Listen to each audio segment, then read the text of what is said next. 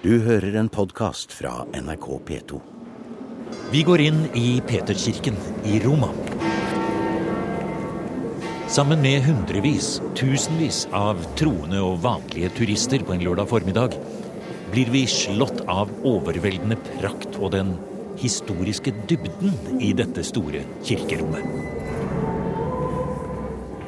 Men vi skal lenger ned og langt forbi den moderne Peterskirken som sto ferdig på 1500-tallet. Her er vi på vei nedover i historien, bokstavelig talt. Forbi grunnmurene til den første Peterskirken, keiser Konstantins basilika fra 300-tallet. Men vi går videre nedover i hedensk tid, til vi kommer 14 meter under gulvet i dagens Peterkirke. Altså det brutt ned taket, og så var det blitt fylt med jord. Når det fylte opp hele området for å, for å bygge den første Peterskirka. Fantastisk sarkofag med Bakkus som en ung mann og vinløv i håret. Sammen med Nidarosdomens arkeolog Øystein Ekroll går vi i en 2000 år gammel nekropolis. Et begravelsessted som lå her på Vatikanhøyden før kristendommen kom til Romerriket. Det er vakre, vakre rom. da. Vi ser jo denne farvene her. Øystein. Ja, frisken er veldig godt bevart. Det er fuglemotiver. Påfugler særlig. Ja. Vi er jo dypt eh, inne i Romerike, bokstavelig talt. Ja, og her var det en grav midt i. Ja. Så det er åpent der. Og så har det vært en gravplate som dekker graven. Og det går bare fortsetter innover her, disse gangene. I retning av apostelens grav. Kanskje var det her apostelen Peter ble korsfestet med hodet ned og gravlagt i året 64 etter Kristus. På 1950-tallet gjorde Vatikanet store arkeologiske utgravninger for å se om det var mulig å fastslå om Peters grav virkelig er å finne her i Nekropolisgatene under den første Peterskirken. Og så her har man gravd ned rundt om, og litt på lykkefromme, men han fant jo altså det som han antar er grava til Peter, rett under den store ballakinen og hovedalteret. Her står vi bare noen meter egentlig fra Ja. Peters grav. her. Ja, Vi står ca.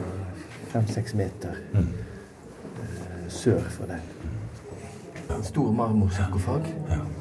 For eh, det var jo tydelig at eh, Peters grav var en sånn Mange vil gjerne bli begravd så nær apostelen som mulig. Så det er veldig tett med graver omkring apostelen sin grav. Det er jo en god indikasjon på at det var hans grav i midten der. De hadde, sånn eh, klase med kristne graver i en, eh, så nær som mulig til den grava. Ja, mer, mer ordrett kan det vel ikke være enn at eh, kirken skal bygges på Peter. Ja, det er det. Bokstavelig talt.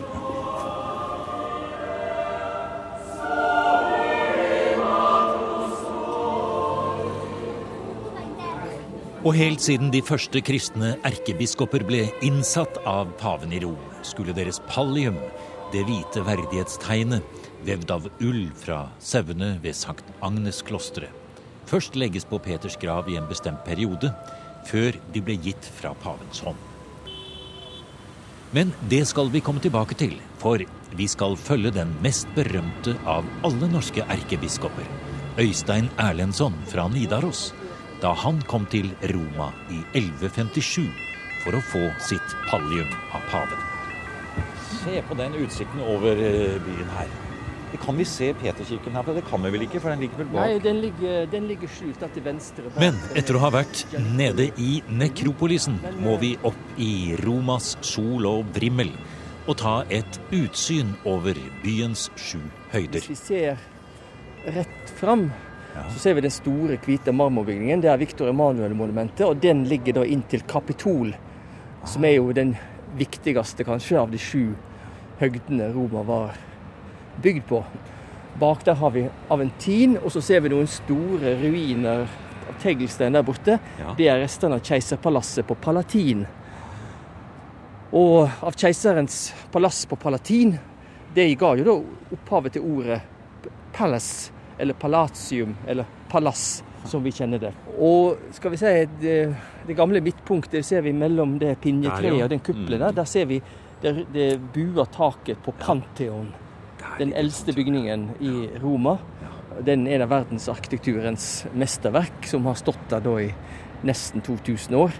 Med sin 48 meter breie kuppel, som først ble overgått av eh, Michelangelo på 1500-tallet.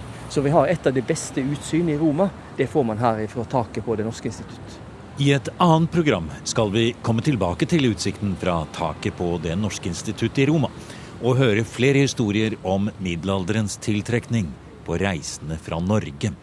Men nå følger vi blikket til arkeolog Øystein Ekerhold. Han peker rett vestover. Vi skal over Tiberen og til selve hjertet av middelalderens pavekirke. Vi skal gå i fotsporene til biskop Øystein Erlendsson og forestille oss 1100-tallets Roma midt i den moderne biltrafikken. Ja, vi står jo, som du hører, en ganske trafikkert vei, men rett foran oss har vi jo den gamle bymuren fra 300-tallet. Eh, Johannesporten, Porta San Giovanni. Foran oss her har vi rester av det virkelig gamle, det middelalderske pavepalasset. For det lå jo her, i Laterane. Eh, en del av pavens audienssal ser vi en mosaikk, og inni det bygget der ligger da denne trappa, som ifølge tradisjonen var den trappa der som Jesus gikk opp da han skulle til eh, Pilatus. Og da er blitt transportert fra Jerusalem og hit og gjenoppbygd av Sankta Helena, mor til keiser Konstantin den store. Så hvis vi hadde vært her på den tiden da biskop eh, Øystein Erlendsson kom fra Trondheim og fra Nidaros, så hadde det kanskje vært en lang strøm av pilegrimer som, som krøp oppover den trappa vi ser der, for å krype samme vei som eh, Jesus, da. Ja, for på toppen av trappa er det en, en veldig viktig relikviesamling, som da altså, kan føres tilbake helt til 500-tallet. Og som i dag ser det ut til å være stengt, men ellers så er det ofte pilegrimer som går på sine bare kne opp den trappa ja, som bot. Ja, for Grunnen til at du har tatt oss med til denne plassen her i, i Roma, Øystein, det er jo at vi ikke lenger er i Peterskirken. Vi er uh, i den andre enden av byen. Vi har kjørt litt forbi Colosseum, og vi er nå på det egentlige, pavelige residensstedet. Dette er den egentlige pavekirken. Vi er i Laterane. Ja, det er jo en av de sju høgdene i Roma. Vatikanet ligger på den ene, men Lateranet er da en av de, de, andre. Vi er helt i utkanten av den gamle byen, altså like ved bymuren. Og dette er da den aller første eh, kirke i Roma, altså som er bygd som en kirke. Eh, og den fasaden vi ser her, det er jo en uh, fasade i uh, barokkstil. Mm -hmm. Ser ut som en Og det er jo også et 1600-talls fasade. Men bokstavelig talt bak den, der ligger den eldste kristne kirke i Vest-Europa. Bygd da fra 318 utover. Altså eldre enn den eldste Peterskirka. Og denne står faktisk Den er bare blitt innekapsla av 1600-tallets barokk. Men den ligger der. Helt intakt. La oss prøve om vi kan komme oss inn der. Ja, la oss gå inn.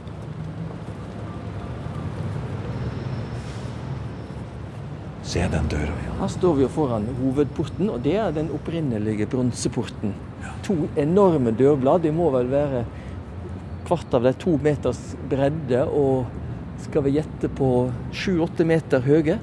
Ja, altså Du sier den opprinnelige bronseporten, som altså var i den originale bygningen, og som ja. de har tatt med seg inn i denne barokkbygningen? Ja, den, den, står på samme plass. Den har stått her i ca. 1700 år. Ja. Det er bare omrammingen som er blitt uh, modernisert på 1600-tallet. Men porten er den samme. Og veggen bak denne marmor- eller stukkekledningen, det er 300-tallets vegg.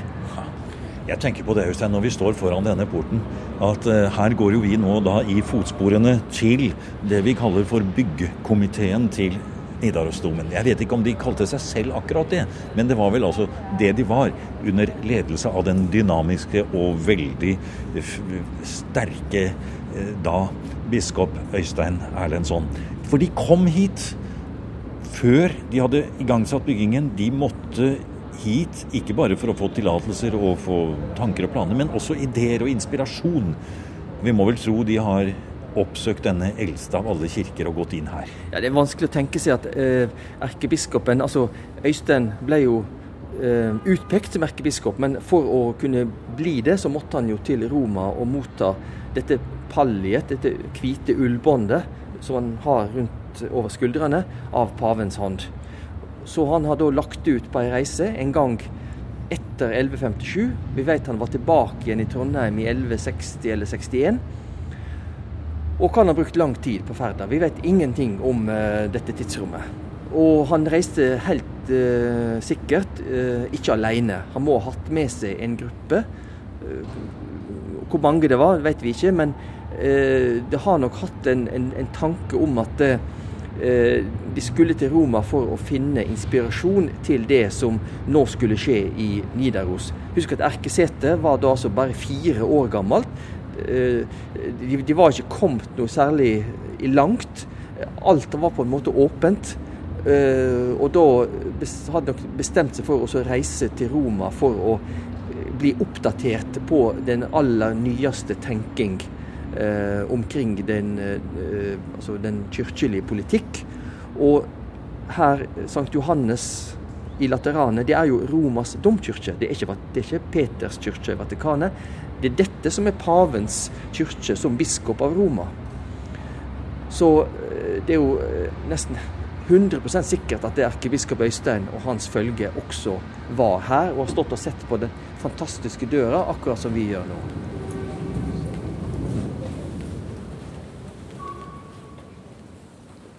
For en dør, ja. Nå er vi på baksiden av døren her. Det rommet vi ser her, det er det rommet fra 300-tallet. Det er bare at det, de gamle søylene de er innkledd i, eh, med barokke pilastre og statuer. Og se det taket!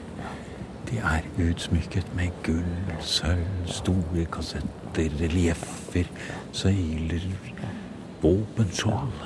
Veldig rikt. Og vi ser jo hvordan en katolsk kirke skal se ut. Altså med disse farvene, med de buene, med gullet. Og over alteret der står det vi kaller et, et siborium. Altså det er et oppbygg som en liten bygning, åpen bygning på fire søyler. Og det er fra 1200-tallet.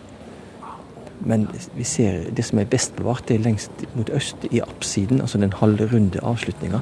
Der har vi stadig mosaikker fra, eh, tidlig middelalder. Men en kirke kan jo ikke være innviet til Johannes døperen uten at det må være et, en dåpskapell her. Ja, det er det. Og det ligger ikke inne i selve basilikaen, men det ligger i en separat bygning ved siden av. Og den har overlevd så godt som intakt fra 300-400-tallet. Nå går vi ut i et eh, sånn sideskip her, og her står alle skriftestolene bortover hele veien. Det er ingen der akkurat nå, men eh, Så var det jo et kloster knytta til her. Og klosteret ligger her stadig vekk, og det ligger omkring en korsgang som også er veldig godt bevart fra 1100-tallet. Så den kan erkebiskop Øystein godt ha opplevd. Oh. For et flott syn.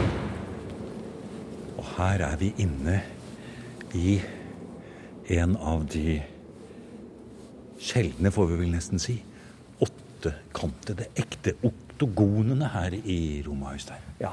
Nå er vi inne i Konstantins baptisterium i Laterane. I hovedsak er bygningen akkurat den samme som er bygd på 300-tallet.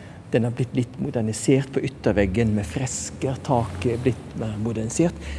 Men her foran oss har vi det store bassenget. For når man skulle døpe, så var det jo gjerne voksendåp, og det kunne være mange. Så her er det jo, det er jo et stort basseng, det her. Seinere er det satt inn en døpefront nede i det. Rundt bassenget, som er sirkelforma, er det da en, en, en åttekant i form av åtte porfyrsøyler. Det mest eksklusive, kostbare materialet som fantes i antikken. Henta fra ørkenen i øvre Egypt. Kanskje tatt fra et eldre byggverk og satt opp her. Med marmorkapiteler og marmorbjelker over. Over der igjen en etasje med små marmorsøyler, og så taket øverst oppe. Arkeolog Øystein Ekroll skriver sin doktoravhandling om oktogonen i Nidarosdomen. det åttekantede høye alterbygget inne i kirken som omrammet skrinet med Hellig Olav. Nettopp den åttekantede formen peker tilbake til de romerske keiseres mausoleer, og i den tidlige kristendommen gravene til de første martyrene. Her i Lateranets dåpskirke er både selve bygningen og dåpsalteret i midten åttekantet. Det er symbolet både på livets inngang og utgang. Vi har ikke noe nedskrevet fra biskop Øystein selv, så vi må bare tenke oss at inspirasjonen til ombyggingen av Nidarosdomen, og ikke minst valget av åttekantet alter, kan ha kommet til erkebiskopen nettopp på hans reise til Roma, sier Øystein Nekroll. Jeg vil være veldig sikker på at han har besøkt dette her. Lateranet var jo da, da, Det var jo her paven bodde i middelalderen. Han bodde ikke i Vatikanet. Det var først uh, uh, mot slutten av middelalderen. Men Lateranet var pavens offisielle residens på denne tid, så det er helt sikkert at det erkebiskop Øystein har, har, besøkt. Kanskje han har bodd her også. Det var jo et stort palasskompleks, et kloster. Og at han da har besøkt dette her, det, det kan neppe være noen tvil om. Hvis vi ser altså på de store marmorbjelkene, arkitravene, som ligger over søylene, binder sammen, så ser vi altså Det er jo romersk arkitektur, romerske dekor. Og da ser vi de samme dekorelementer som er tatt til bruk i oktogonen. Altså Vi ser det vi kaller eh, kymation, som er altså en eggstav. Eh, vi ser astragaler. Eh, altså de samme bordene vi finner i, på veggene rundt oktogonen. Ja, for, nå snakker vi om utsmykningen i oktogonen. Og bare, bare, et lite øyeblikk, Øystein. Fortell litt også om selve oktogonen slik den står ferdig i dag. For det er et fantastisk byggverk i tre etasjer inne i Nidarosdomen. Så hvis du skulle gi bare en sånn ørliten kjapp runde på oktogonen slik det faktisk ble, etter at kanskje inspirasjonen muligens kom bl.a. herfra. Ja. Utgangspunktet er jo Olavs grav, som ligger, lå og ligger på samme plassen som den var utpekt i nesten 1000 år, under hovedalteret. Eh, opprinnelig var det et firkanta kor innvendig ca. 8 ganger 8 meter som omga dette. Så har da erkebiskop Øystein planlagt et helt annet, et, ikke firkanta, men åttekanta byggverk. Og Det skulle da ha et midtrom og være omgitt av en omgang, eller et ambulatorium, der de, de pilegrimer og lekfolk kunne gå eh, omkring. Altså ambulere, eller, eller gå omkring. Um, og Dette skulle da også være som en basilika i oppbygging. Dvs. Si at det, du hadde et midtrom og en omgang, og så skulle da midtrommet gå oppover i tre etasjer, slik som vi ser her. Mm. Og øverst oppe skulle det være vinduer som slapp lys inn i midtrommet over taket på den lavere omgangen eller ambulatoriet. Så i store trekk er det akkurat slik som vi ser, eh, ser eh, baptisteriet her.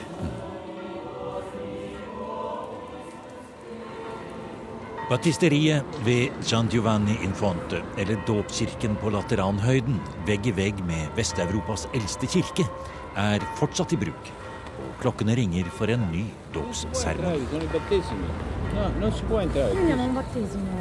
Vi fortsetter til en annen kirke som kan ha inspirert erkebiskop Øystein Erlendsson fra Nidaros da han kom til Roma med sitt følge på slutten av 1150-årene. Nå har vi gått gjennom Romas gater så vi rent er blitt svette her, Øystein.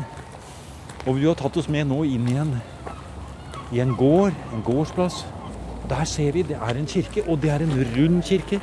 Her ligger da en helgen som også var godt kjent i Trondheim i tidlig middelalder, nemlig Sankt Stefan. Og dette er Sankt Stefans rundkirke, eller San Stefano Rotondo. Nå begynner det å regne igjen, så nå kan vi, gå, vi inn gå, inn, i, i forhallen. Ja.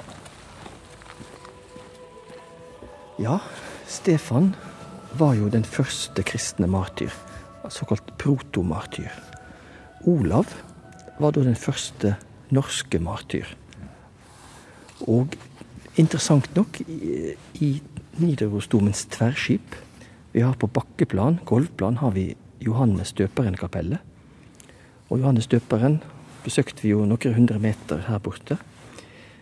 Rett over, i etasjen over Johannes døperen-kapellet, Der har vi et kapell med en innskrift som viser at det er innvia til Sankt Stefan Protomartyris et Sankt Olavi.